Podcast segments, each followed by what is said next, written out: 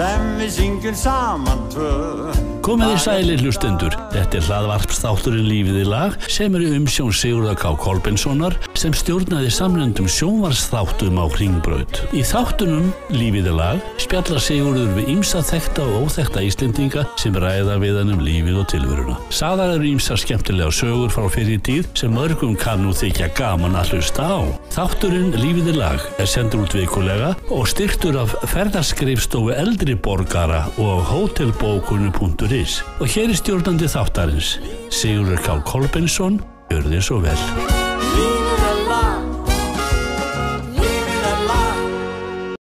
Já, komið í sælir áhrendur í síðasta þætti var Markus Örn Antonsson fyrirhandi útastjóri hjá mér en hingað er komin Friðrik Ásmundsson Brekkan, blessaði Friðrik og velkomin.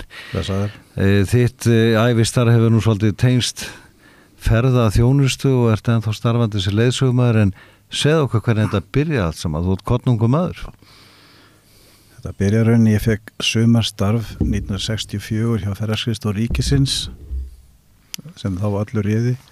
Það var mikið af þessum stopnunum voru á vegum Ríkisins og aðarskriðstofn var í Gimli í Lækjagötu þar sem ferðarmálur áða fleiri af alltaf verið síðan. Nú ég fekk starf hann að 64 og átti að gefa upplýsingar í, í andirinu upplýsingadesk sem fólk kom inn og spurði og, og allt það. Og með mér í símavörslu var Sigrun Harðardóttir sem var söngkona og fleiri sem voru þarna í sömastarfum eins og kennarar. Vigdís Fimboðadóttir, Ingóla Þorkelsson sem var síðan skólamistari Stefán Haugur Einarsson og konunans Muti og fleiri sem voru ráð- ráðandi sömastarfa og íslensku fræðingur og sög, sögumenn og annað sem voru þá settir í þegar þetta áþurft að halda. Og ég var að afgreða þarna einu sinni e, þá koma amerísk hjónin svona rúmlega sjötug en þegar maður er 14 ára þá er maður ekkert að hugsa um aldurinn beint sko, Bara gamalt fólk. gammalt fólk. Og þau vildu fá gönguleiðsögnum Reykjavík. Og ég sagði bara augnablík svo hleyp ég upp á loft til Þorleif Stórðarssonar fórstjóra og segi Þorleifur, já það er komið inn að hjón sem vilja endilega að fara sem með sér í gönguferðum Reykjavík. Nú, já já. Og hvað, hva, viltu það? já já, þá ég ger það.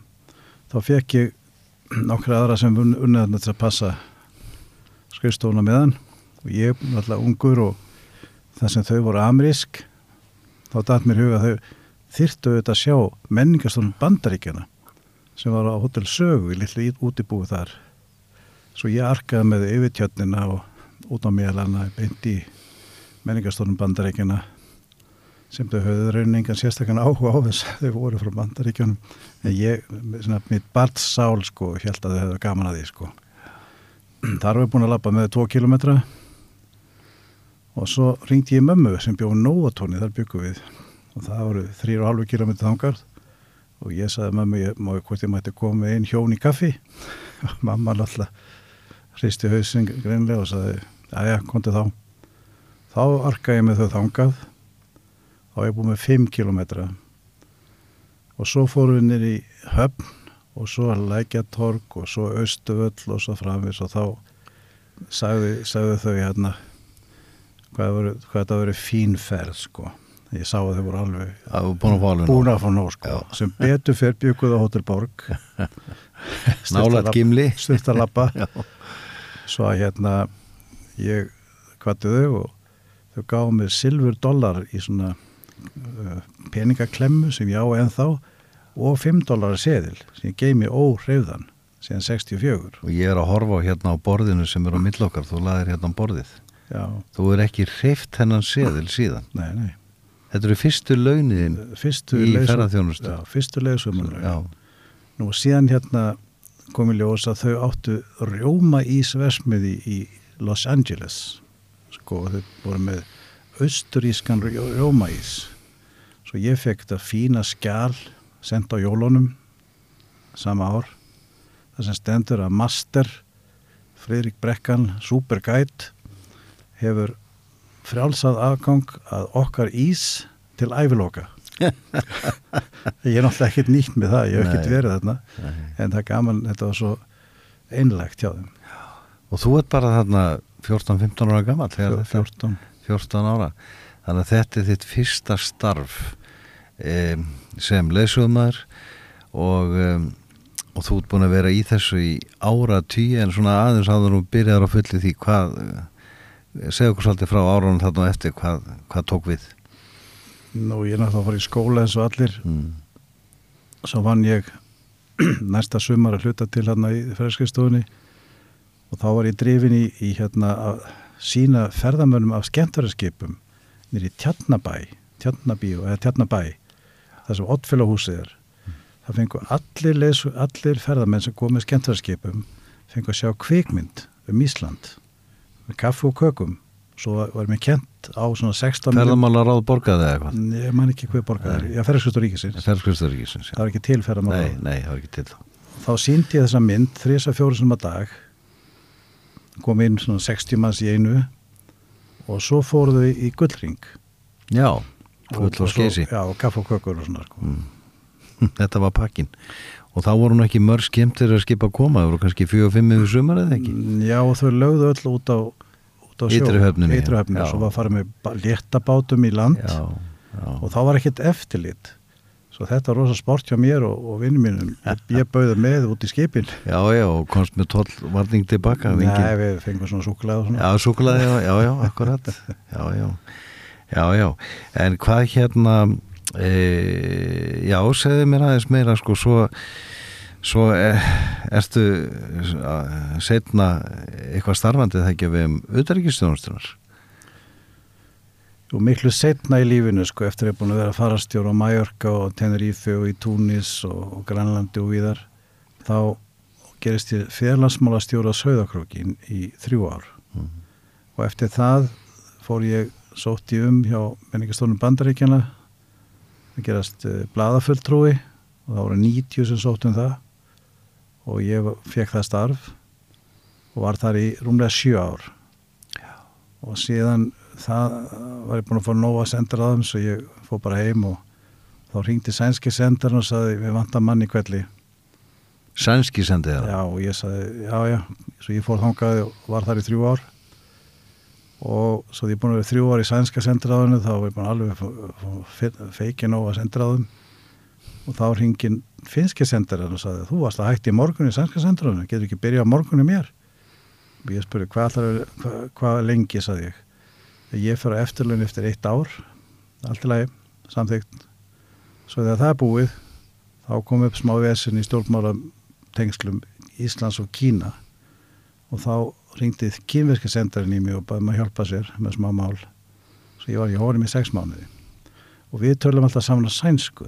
Þess að hann hafði verið sendera í Stokkólmi og konas, mjög merkileg kona skrifaði og þýtti, þýtti sænsk ljóð og sögur og svona. Það er mjög frólægt tímbil Já, Mm. akkurat. En hvernig kemur það til sko að ég er hér með mynd sem að mér áskotnaðist á síðan tíma eftir leiðtóafundin 1986 og þá er mákona mín að vinna í framkvællunar fyrirtækinir í bæ. Og hún kemur heim til okkar og segir já, þið fenguðu þetta ekkert frá mér. Þá er mynda Ronald, nærmynda Ronald Reagan. Og þú stendur við hliðina á honum út í garðinum á gamla sendiráðinu við lögásök Já, þetta var þannig að eftir síðastu bara kortir eftir fundin síðasta fundin þá var ákveð að hafa e, móttöku fyrir allt starfsfólk í garðinum í sendiráðinu sem er fyrir aftan ekki stór garður sko. Og þá kom náttúrulega Reykján þar eh, frekar svona rítjulegur, þreyttur og eitthvað erum við fundið við Gorbachev. Já, eitthvað svona svekkelsi. Og, og var hérna hjá okkur í, í klukkutíma og þá var þetta kvikmyndaði bak og fyrir og, og hérna fólk fekk svona hels upp á hann sumir og, og bladafundir og bladamannafundur og eða, stu- sko, sjónvarp og allt bladamenn og Schultz líka mættur hérna og sendiðar hann og, fleiri. En þú stendur við hliðin á reikan þarna og það fylgir í einhver saga Jú, sko, hann, hann var að lappa upp hérna tvær tröppur sem voru svona í áttina að sendir hann á þeim. Og þá rasaði hann svolítið á tröppinu og var hann að byrja að detta hún í blómabott eða svona blómakýr eða eitthvað. Ég kifti hann og saði hérna kifti hann upp vegna að leini þjónustu með voru ekkit alveg nálat, kannski tvei metra frá. Og þá kíkir hann á mig og segir ha, heyrðu, halló, þú bjargaði lífið mínu hann sagði það við þig. Og þá sagði ég, I'll stay here. Ok, ok, fyrst að hann sagði ok þá sagðu síja menn ekki neitt. Nei, nei. Nei, hvað Þá, þá var það snú öllum kveimundavélunum já, Þannig að, að í fréttunum daginn eftir bara mynda mér og honum og honum og mér skilur, veist, á þessum fundi sko. Mér langaði þess að koma inn á þetta. En fyrst og fremst langaði mér nú að ræða við þig um það sem að þú ert búin að gera kannski meir en flestir að ferðast um allan heim og þú talar sjö, átta tungumál. Mm. hvaða tungumál eru það? auk íslensku? Ég ætla alveg upp að hluta í Svíþjóð. Svo það er bara eins og móðumál svo ég sendur oft í sveit í Danmörk á sömurinn og svo var ég alltaf með norskuna og ensku og þísku og spænsku, ítölsku, íslensku og svo svona hluta til fransku. Ég get alveg bablað fransku ef það þar með og þú hefur verið að nota notferðir þessa kunnáttu, tungumála kunnáttu við að taka á móti erlendum hópum Ég er á Íslandi sem hafa óska eftir þinni þjónustu sem er í eða ekki, svo svíjarnir. Jú, jú, og fleiri sko, til þess núna í, í dag er ég með uh, þískan hóp í fimm daga Mm. uh, fer með á Snæfellsnes á morgun og uh, næstu vikur ykkur ítalir og það skeður stundum sko að ferðarskjöfstun það bara byrðum að taka einhvern hóp og gleyma að segja hvaða tungumál það er. Þá þarf ég, þá þarf ég að ringja og herðu fyrirgjöfu hvaða tungumál er þetta? Ó fyrirgjöfu, ég held að þú talar allt. Nei nei, hvaða tungumál er það þá er ég- að segja já. Þannig að það er gaman en ég hef ekki sérstakann áhuga að vera með of mikil og stóra hópa franskumælandis, ég er ekki nóg góður í því. Nei. ég get verið með ein hjón saman í bíl eða eitthvað sko. Þegar að vera að fara svona, hópur dvelur í Reykjavík og það vera að fara í dagsferði, hvað sem það er um Snæfellsnes, Guðnar Hingin eða Viki Mýrdal eða þangað austur. Ég tala nú ekki um lengra, Hingin í kringu landið. Hvernig er starf leðsögumans? Hvað, hvað, eh, hvað vill hinn almenni erlendi ferðamæður upplifa? Áttu að tala stanslust í tvo tíma eða áttu bara að segja frá hér er fjall og hérna í vötnu eða hér var Snorri Sturluson eða hér var Alþingi? Út af Sko- hvað gengur þetta? sko, það fer svolítið eftir löndum og aldri og annað. Ef það er mikið ungu fólki með þá stingur það bara iPod eða hvað það heitir í, í eirun og hlustar á popmúsík Já, en ekki að lusta einhvern gæt. Já, nei, en sko það sem ég komur upp svona kerfi það sem ég reyna að ná húmórnum upp í kvelli þannig að sko ég lappa kannski eða rútubíl, þá lappa ég um og tel fólkið. Þá hefur aldrei séð mig áður sko, ég tel fólkið svo snýið mig við og segja þetta gengur ekki. Heru, ef leiði snýið mig við þá fækkar um tvo. Ég verð að telja aftur og þá er ég búin að ná húmórnum Já, og, og eitthvað svona smá triks ég nota. Ná aðteglið þeirra. þá er maður búin að ná í upphafi ferðar. Mhm. en sko auðvitað e, þegar maður komur nálgust þingvelli þá, þá, þá tekum maður tíu mínútur áður en þingvelli koma segja frá öllu því sem þar er lífildistofnun og öllu því. Og, og, og síðan jarðfræðinni saman við það blötunar hérna, blötuskilin og síðan þegar maður nálgast lögavatn þá kemur inn á að það sem eru heiti hver á Íslandi, það eru yfir skólar. Þau út á uppbytun og þess vegna eru öll þessi hús þarna á lögavatni og svo framvegis. Þannig að þá lærir fólk, ég kenni þeim, ég endur tek oft sama hlutin til þess að menn átti sér alveg á hlutunum sko. Sérstaklega fyrstu tvo dagar og það með þreyttir þá átti að sér, þá veist, þá takar ekki við öllu. Svo ég endur tek þrisa fjórisunum suma hlutina. Og þú skinnjar alveg hvað þið meðtaka. Ég sé alveg, ég sé það alveg. Það lítur nú samt að vera munur á því hvort það er að koma hérna bandarækjumenn eftir langt nætuflug, lenda til grútreittir um miðanótt að þeirra tíma eða þjóðverar að koma frá Európu sem græða tíma hérna upp yfir. Það sem ég gerði til dæmis, ég var að vinna í menningarstofnum bandaríkjuna, ég fekk það í gegn að bandaríski ræðumenn sem voru fengnir hingað til að tala við fjölmiðla og fleiri ég sá til þess að þeir fengu einn dag í afslöpun. Svo var ekki svona út á þekju eins og þeir voru margir. Beint úr flugi og blaðamenn gætu nelt á. Sko, þess að þeir voru svo rugglaður svo ég fekk, fekk það í gegn þannig frá Washington að þeir fengu einn auka svona per diem sem sagt, Mhm. einn auka dag greitan fyrir að slappa af Já, það er sterkari leikur akkurat.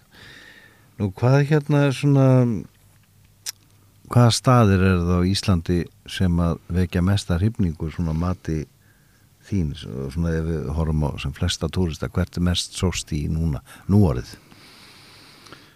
sko það fer eftir, eftir hvaða fólki kemur Suður-Amerikumenn og Asjubúar vilja norðurljós. Og það var ekki góð gæði í, í vetur. Það var snjóstormur og þoka og rigning og allt þetta.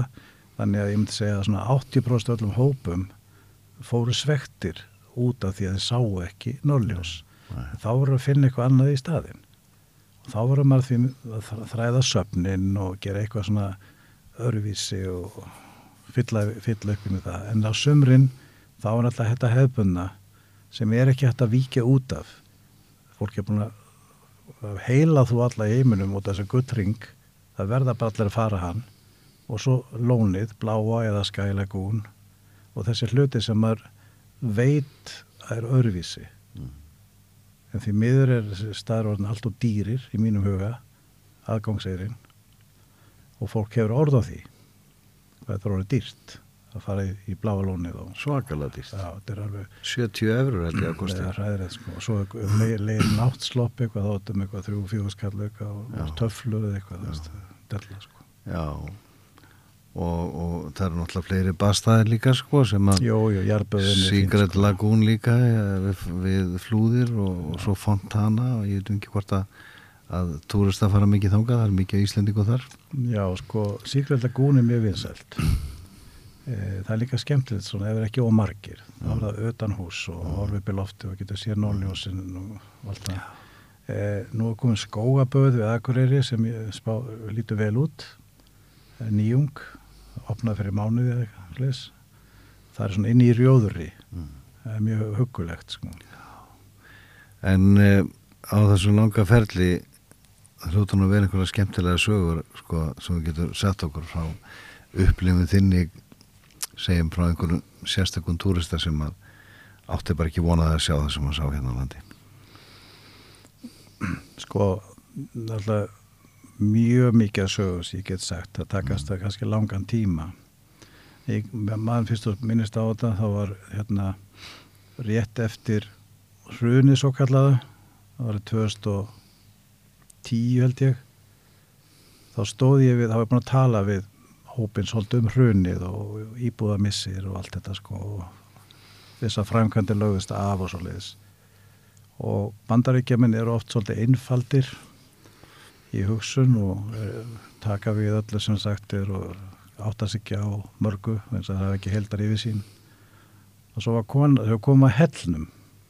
Þar er svona hafna mannvirki sem gengur svona 200 metra út í hafið og þá stendum við þar og horfum yfir. Þá kemur konatímin og segir Akkur endar vegurinn þarna? Og ég tek svona utanum hann og segir mannst ekki hvað ég var að segja við í gær? Hvað þá? Ég samtu runið og alla framkvæmt lögðust, lögðust af. Þetta átt að vera vegur til Reykjavíkur en hann var bara var blásin af. Já. já ég skil. Já.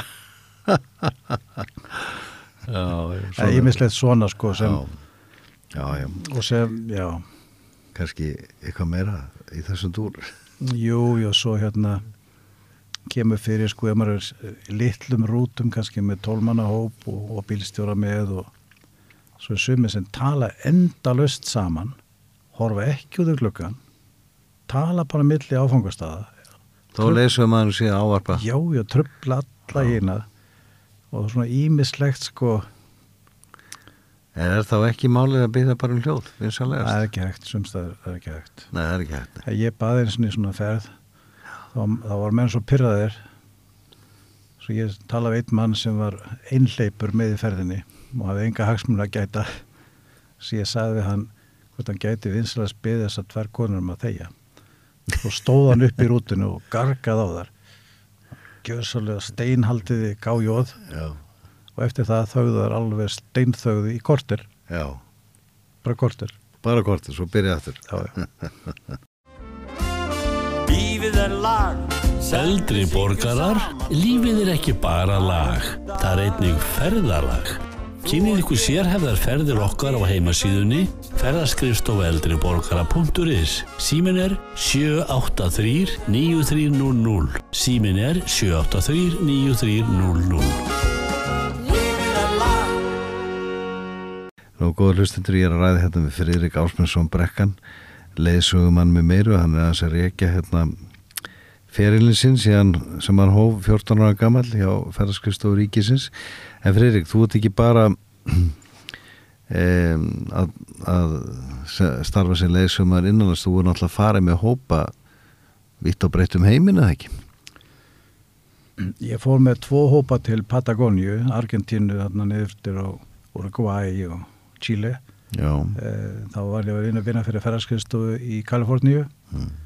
Hvenær Og- var þetta? þetta var 2009 10 eitthvað. Þá var þetta fólk sem hafi verið hér á Íslandi hjá mér á 12 ára tímabili á vegum þessa ferðarskristofu og þeir neita að fara til Söður-Ameríku nema mér er er kemur með. Og þá var þeim smala saman og settar upp ferðir. Svo ég fór tvisar í röð þarna nýrtir og það var bara eins og heil fjölskylda sko, þetta var svo veist, koma heim sem að þekkti alla í hópnum. Já, já, það er mjög gaman. Og svo lendi ég með sömufæraskriðstúruna fyrir nokkrum árum. Að eigandinn hún treysti mér alveg 100% og mjög gaman að því. Og hún var fyrir því að óhappur að flýta sér heim. Og hún kerði á tré. Og fótbrotnaði. Svo ringir hún í mig alveg bara segir Fririk, ég var að fótbrotna. Nú já já, ok, vonandi gengiði vel sagði, nei það er ekki það. Þú verður að fara til Íran eftir viku með hóp, nú? Já já, ok, ég gera það bara. Hvað ég gera? Já, þú ert að senda, senda í kvelli hérna, passaðinn til Norex í sendiráðu þar og fá hann stimplaðin í bak og fyrir. Og svo átt að fara til Istanbul og þar klukkan þrjú átt að hitta hópin og svo fljúið til Íran. Og allt í lagi, sagði ég. Svo ég fór tveimdum áður að heimsótti sýstíminni í Berlín. Þaðan flög ég til Istanbul hitti fólki á kaffihúsunni á flugvöllunum svo fórum við 19 dagum um allt Íran. Já, dásalegt land en svolítið náttúrulega lítaða þessu vesinni sem er í gangi með múlana og allt þetta. En sko ég við flugum til Istanbul þrjá tíma til bæði sem heitir Mashhad og þau lendum þar í eldgammalli flugstöð. Þá hjekk það stór, stór, stór fáni með, með Ayatollah Khomeini sem er svona blakt í, í svona inni. Og ég horfði á hann á fána sem hann horfið svona niður á mann sko Ayatollah Khomeini Ayatollah. Svo leiti aðeins til hægri það var annar fáni. Það var Coca-Cola. Það var þá Ayatollah og Coca-Cola hlifið hlið. Svo ég segi sjálf mig þetta verður allt í lagi þetta er og þetta var líka allt í lagi. Íran, þetta er nú daldið framandi land og, og hérna örgulega ekki margir Íslendinga ferðast þangað en, en um, aðeins að Argentínu sko, þú, uh, þetta er gríðalega stórt land og ég veit að þú ert að fara með hóp þangað eða hópa í januar í Íslendingum. Á þess að ég ætla að fjalla frekar um það en, en sko Patagonia, þetta er bara eiginlega bara síðsta byggða ból á á jörðinni eða ekki? Þetta, Jú, það er bara ekkert svo langt að Suðurskvöldslandinu, þaðan? Nei, sko, flest skip sem sigla til Suðurskvöldsin fara frá bænum Ushuaia.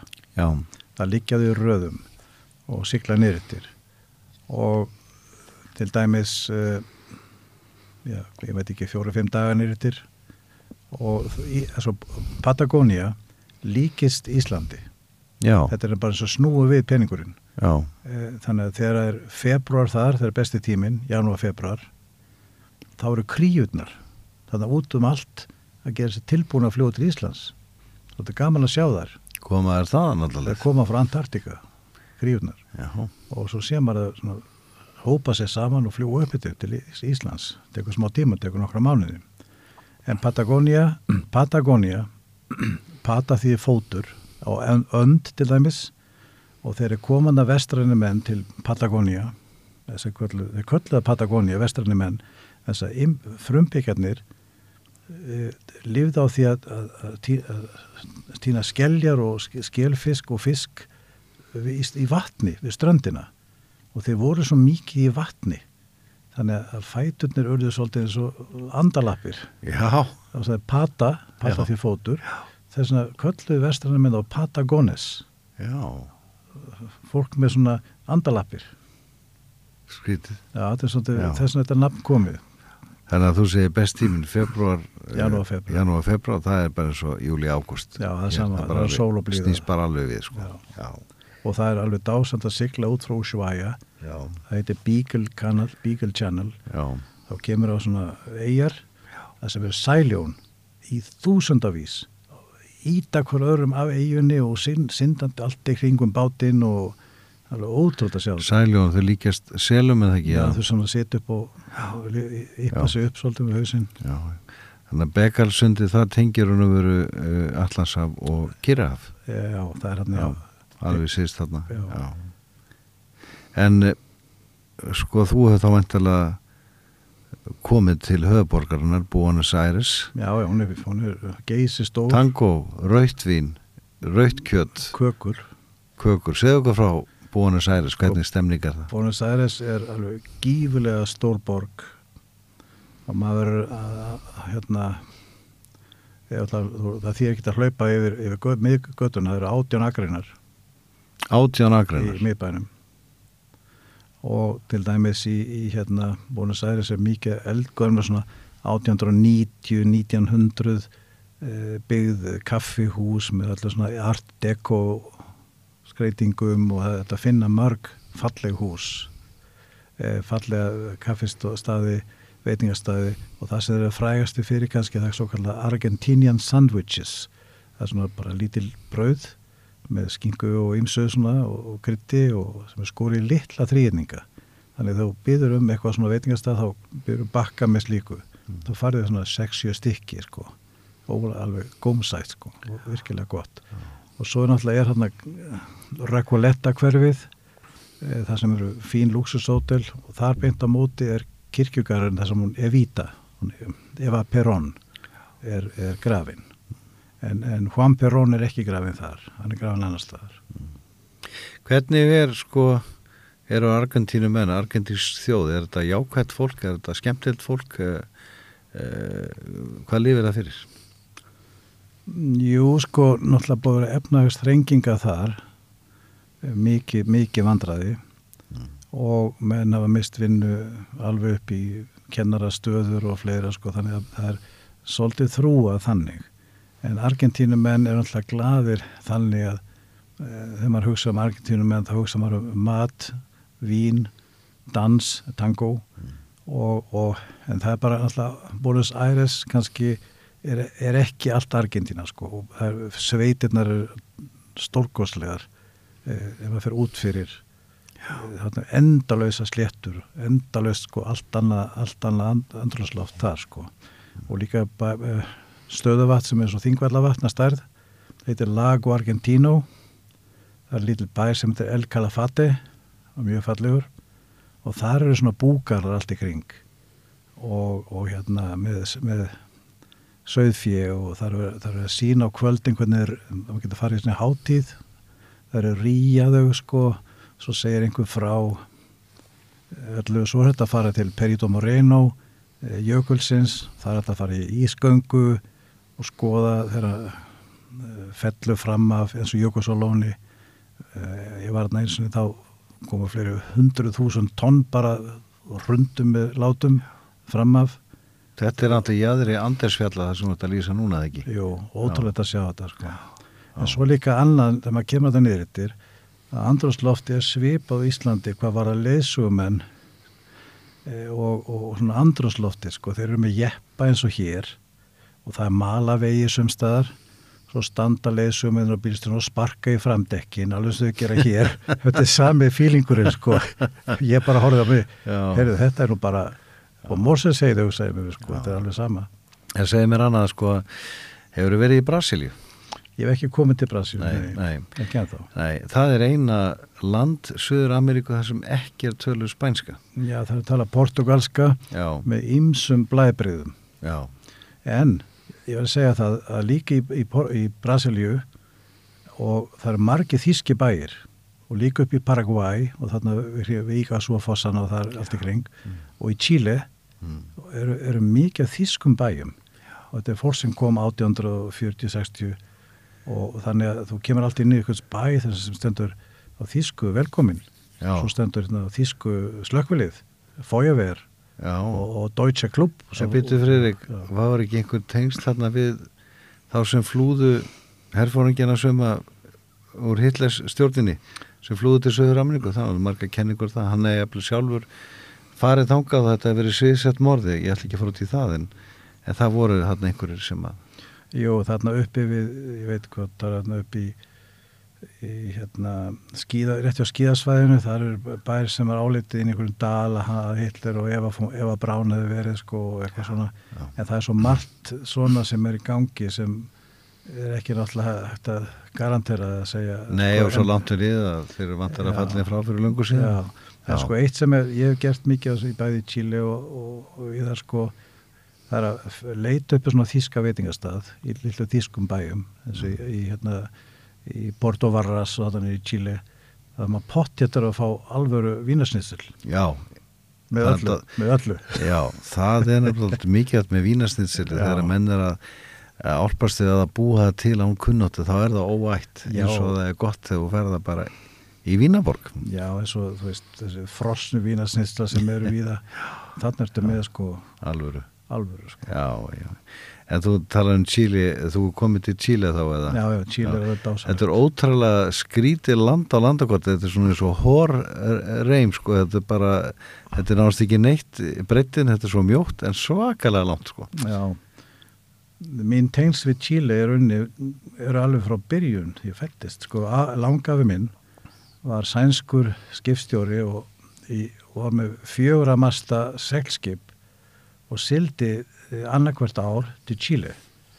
Og þar kiftu þeir lengst upp í norðri, þar er eðumörk sem ekki reynt í 400 ár, sem heitir Atacama. Og þar er Chile saltpjötur, svona salt. Já. og það fylgdu við skipinu að því. Og svo silti Gautaborgar.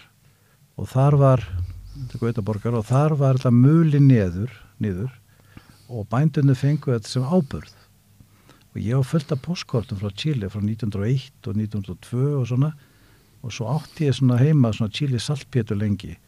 Svo flu, fluttu við timbur og allt mögulega svo kom fyrri heimstjöldin þá lágur hann í tvö ár og þrjú ár og svo frammiðis svona var í gamla daga líf þessara, þessara skipstjórnamanna og, og á, áhafnarna líka. En Chile sko, þú veist, getur farið á Íslandi getur farið klukkutíma og séð geysir og allt þetta en í Chile til að sjá geysi eða þú veist, gjósandi geysi þá er þetta að keira þarna 450 kilometra lengst upp yfir en á Íslandi getur gert alltaf einu degi Já, sko fjölbreytni er svo Já. mikil hér já, já. Nágaði svolítið að spyrja það líka sem mjög reyndum ferðamanni, sko, að, að um, fóreldra mínu fóru á síðan tíma í nattarísu með Ingólu Guðbransinni, þetta var fyrir aldamóti, voru að fagna sínu 50 ára brúkusamali og það var umhverfisjörðina á suður kveli jarðar, sem að Ingólar hefði skipulagt túrin þannig að frist var flóið til Jónasamborgar til Suður Afríku.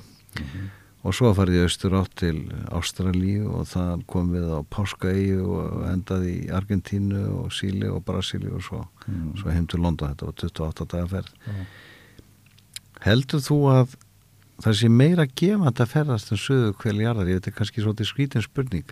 Heldur en á norðu kveli heldur önnu menningar það ekki?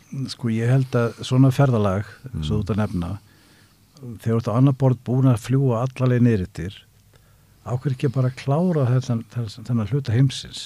Í staði fyrir að kannski næsta ár fljúa aftur nýrittir og aftur og aftur taka þetta bara með trombi og vera allan niður frá og klára þennan ring og þú segir á 28 dögum, kannski í dag er það stittra og svo getur maður tekið norðurkvelið sem við erum alltaf á norðurkvelinu en þú ert með kannski æfintýri fyrir lífið og ferðið mitt á þessar eigjar eins og Fiji og svona sem maður kannski alltaf að hugsa um eins og femar aldrei. En, en ég myndi segja að ég myndi sko Suður-Afrika ég þekki svolítið til það sko að hérna vinur minn er, er sænski senderan það núna. Hann var hér, Håkan og hérna og svo þekki ég menn sem er með svona safari eh, camps þú veist það er búin að hafa í 30 ár Mm. taka móti fólki og þetta er náttúrulega menn sem að segja þetta er alveg, þetta er toppurinn á mörgu sko, ekki, ekki alveg toppurinn en, en sko eitthvað sko suðkvelið þarna allt saman sjá það einu sinni almennlega Já. En, en hvað með Ástralíu? Hefur þú komið þákað? ég hef ekki komið þangað Nei. Hvað, hvað myndi vera toppurinn í þínum augum? Er hægt að nefna eitthvað? Eitthvað, eitthvað landið að stað sem að þú komið til eða myndi vilja koma til?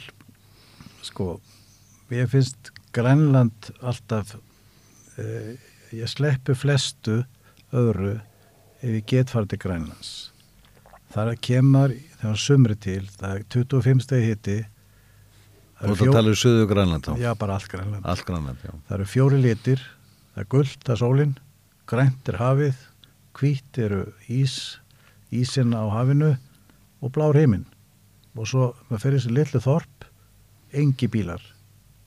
Algjör hljóð nema kannski stærri þorpan það er ykkur bílar sko. Núk eða eitthvað svo já eða nassak eða eitthvað. Já, en sko Grænland, ok, svo líka vil ég fá frið og ró svo ég alveg, veist, dásand að fara í Sviss og í Ölpunum á sumrin, keira upp þetta eins háttum að mögulega kemst það sem við bara kannski þrjár beljur og einn geit, eitthvað svo leis og einn bónd bóndi, já, algjör þögn. Já. svo þegar maður nálgast gerir niður aftur þá erum maður í, í autobahn og svona. En, Lestir og... Já, en uppi, lengst upp í kannski 1600 metra hæð eitthvað. Það er sko eitthvað svona finnst mér. Og svo langar mig, langar mig að fara eh, oftar, ég er búin að fara 600 til Túnis en mér langar að fara til Túnis, já, ég langar að fara til Marokko já. Og þetta er að koma þangað. já, Hefur þú komið til Egyptalands? já, já, Já, er hvernig finnst þér Egyptaland? jú, jú það er alltaf næ, sko, það er bara tróðningur Já, tróningur, já. Já, líka sko þessi túristastaðir er bara túristastaðir sko þessi rauðahafið og svona sko þetta er, þetta er fallegt Já. og ha- hafið og allt þetta og góð þjónusta, góð matur En það er svo svart og hvitt að tala um hið vinsæla túristaland Spán. Það er náttúrulega annars vegar bara þekktir túristastaðir sem hafa verið gegnum ára og tíu. En svo er það gömlu spænsku borgirnar og bæirnir þar sem túrista kom ekki og engi talar ennsku. Já, það er til alveg ógrinni af fallegum stöðum í Evrópu til dæmis bara vissa strendur í Frakl, Norður Fraklandi og niður með þetta í áttina Spáni og svona sem sko og líka bara norður hluti Hollands úti við Frísland og þarf frá Já, sko paradísa staðir. Hvernig þá?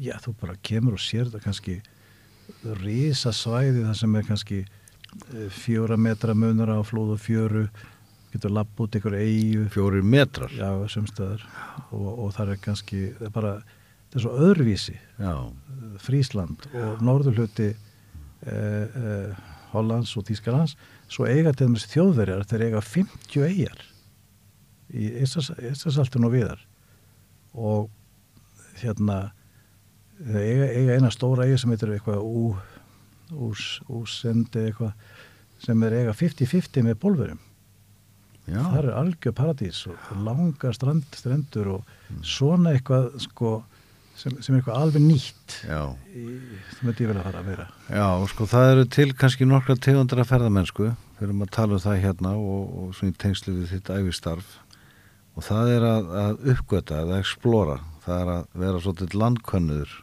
fara á ótróna slóðir. Flestir eru þá í borgar og innkaupaferðum sem eru í sértækum ferðum eins og hjólreiðaferðum, skíðaferðum eða golfferðum. Jú, jú.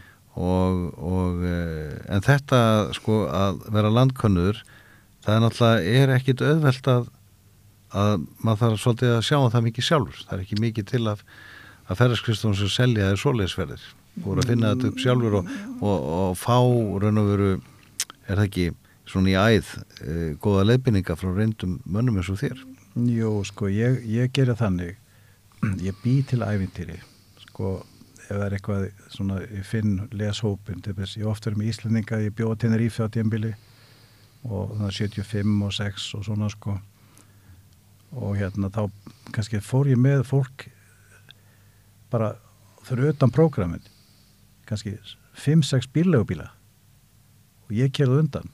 Svo fór ég alls konar ótrána slóðir veist og borðum hér og þar og kaffi og út um allt og ég, ég, það gjör þekki þess að ég er allar Ég hvað sem þið datt bara í hug allt í hennu Já, það var mjög gaman. já, já. ég finnst þú að tala um skemmtilega sögur ég verð að segja ykkur, segja þér eina hérna, sem fór alltaf hugsa um frá Tenerife það var 75 þá voru tveir kallar ja, Sigur og Ólafur alltaf hétuður og voru í 20-60 hita í poplín örmjó bindi Poplín. gráu, gráu bindin og, og poplín hatta og svo fóruðu með mér í svona indverjabúð. Ég fór með indverjabúð þeir, að, þeir ætlaði að kaupa langbilgi útvarp þegar indverjónum og ég saði, heyrðu, já, já, ég skal fara með ykkur hérna inn. Og svo saði ég svo saði ég hérna, reyni, tala við þá og segja hvað ég vilja kaupa. Og þá saði einn við indverjan og hann saði long, long, long radio long, long radio. Og þá var svona tímabilið sem allar um svona löng útvörp á aukslónum og voru á hjólaskautum sko. Já. svo indverðin kom og síndi þeim svona rosa löng útvörp no, no, long small sagðan, long small radio. Long small þá hljópi inn og sagði, heyrðu, langbylgi útvörp Já, þá sagði indverðin, ok, nú skil ég. Og svo let ég, fylgdi þeim eftir sko, ég, ég var að passað upp á að gera enga vitlu sem kalla greiðin, mm. aldrei kom út fyrir landstæluna og svo eh, var mér all, allum lokið því ég heyrði ég var að afgreða mannin eh, fyrir langbylgi útvarpið var að selja það. Þá seg, já, Sigur Jón héttan þá kallar Óli, Óli Sigur Jón já, herðu þeir tak ekki ávísum frá búnaðabankanum ég held að þetta sé nú þá let ég mig hverfa sko. Það lestu við hverfa, já. Já, já, þetta var eins og hérna í, í ferð til Spánar 1900, í kringu 1980 þegar að kona kom til hans ágæta Sigurdur Sigurdórssonar þess ágæta mann sem lest um fyrir skömmu síðan. Blaðamaður, mikill öðlingur. Og e, og þá kom konan og sagði, ég er búin að snúa öllum rásum og ég næ ekki í íslenska sjónvarpinu.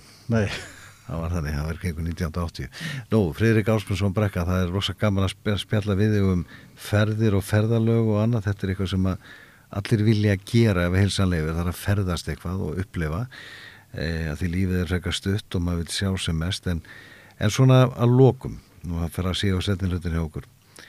Hvernig sérðu þróun og svona framtíð ferðarþjónust á Íslandi? Nú erum við nýbúin með blessa COVID-ið sem er lokaði hér öllum svo í öllum löndum. Það er alltaf að fara á flug aftur. Það eru þröngir vegir og það er að koma ennþá fleiri túristar og hvernig líst þér á þetta ástand? sko ég hef, alltaf sagt svona sko að í, ferðamennska á Íslandi kvílir á tveim megin stóðum ok. Fyrsta heitir hundahefni það er grunnurinn í Íslandska ferðarþjónustu Númer tvö er ósérhlífni íslenskra rútubílstjóra sem er að keira mjóa vegi allan daginn að passa upp á að slá ekki saman speklunum og ef þið slá saman speklunum þá geta brott, brotið framrúður þá standa rúturnar vikum saman, þá verða það skammaðir og þeir eru alveg taugum margir, allan daginn, það allan er daga merkild að þetta Já, þetta er satt. rútubílstjóruna Já, þetta er satt. Og ég- finnst að þeir eru að fá áhættu álag, þeir eru með lágt kaup og vegna þeir eru með rándýrtæki, 50-60 miljón krón tæki, 50 manns um borð, dýran farm, en veginnir þurfa að vera 1,5 metri breyðari Já, og síðan þess að einn breyðu brýr eins og við milli Gullfoss og Geysir, það er ein brú yfir ána þarna. Tungufljótið. Já, og þar standa kannski 20 rútur öðrum minn og 20 hinum minn Er það virkilega þannig? Já, já, já. Og svo hérna, sko, maður getur tekið skeiðar á brúna eins og ég sé það, sagað hann í tíu bita, sett hér og það sem vantar svona brýr, klára dæmið, með, með svona til dæmis. Þarna sérðu stórt vandamála því að þú ert náttúrulega á því vendalega svo flestir að sem eru tendi ferðarþjónustu að þetta er að blása Já, já. út á ný og fara yfir Svo- öll mörg Svo verða menn að passa, ég var að koma hringferð núna. Ég hitti engan Íslanding líku við á neinu hóteli, neinstaðar, allt útlendingar. Margir hverjir vera að æfa það upp, hafa aldrei verið hérna áður og sumi koma aftur eftir COVID-ið. Og svo er annar mál að það er orðið ómikið, það er að byrja græðki, græðkisvæðing Já. og kæruleysi. samlokan á þrjúðu skall Já, það koma kæruleysi í þetta til dæmis ég kom á tvo staði þar sem einhver í kerfinu hafi glemt að bóka hópin í mat og það var þrýr mánuð síðan var sendur hérna, beðni þetta gengur ekki, bara sko, það er verð að passa sig. En þetta er nú einmitt sko vandamálið að það er manneklan og alveg rétt að ég hef svolítið verið á ferðinni sjálfur undan hvernig vikur og það, það, er bara hending að hitta á íslenskan starfsmann á hótelum og veitingastöðum já, já, sko, ég er ekkert á móti slí, þú veist, Nei, nei. það verður að vera eitthvað sko, en svo bara annað sem maður heyrir ég hef heyrt um marga sem vilja ekki fá íslenska unglinga í vinnu, þess að þeir þurfa alltaf að skreppa eitthvað, það fara til Vestmanni í ágúst og það fara að heimsækja frængu fyrir norðan. Sko, þú veist, útlendingar sem koma í það, þeir eru komið til að vinna. heyrði ég ymmit hjá reyndum hótelreganda sem saði munurinn á unga fólkinu sem að maður eh, ræður í getum Nordic Job eða íslenska að það ringir aldrei, ringir sér ekki veikt inn á sunnudum. nei, nei, Það vil vinna til þess að fá peninga. Já, já, en hinnir hérna landar okkar sumir eh, þeir hérna fara aðra leiðir. Nú að þessu sögðu þá eh, er komið að lokum hérna hjá okkur og Freyrik, ég, það er mjög annars spjalla við ég bara óskar allsins best að þú lítur vel út og, og eins og kottnungu maður og ert á fullu í ferðarþjónustunni fram og tilbaka alla dagar það ekki? Að ég gæti verið alla daga en Já. ég reynir nú að velja úr kannski það sem er skemmtilegast eins og grænlandsferðir Já, akkurat eða færið Já, færi að þú fer svolítið þanga líka en eh, Freyrik Ásmundsson Brekkan, takk kjalla fyrir spjallið Takk fyrir, gangi er bara vel á næstunni í öllum þínum verkefnum. kæra þakki, sömulegis Hlustendur, við ljúkum hérna hlaðvarpinu Lífið er lag. Í dag ég heiti Sigurður K. Kolbensson og ég spjalla hér vikulega við Ímsa þekta og, og, og Íslendinga og hér að vikuliðinni verður annar viðmælandi hjá mér en þanga til góða stundir.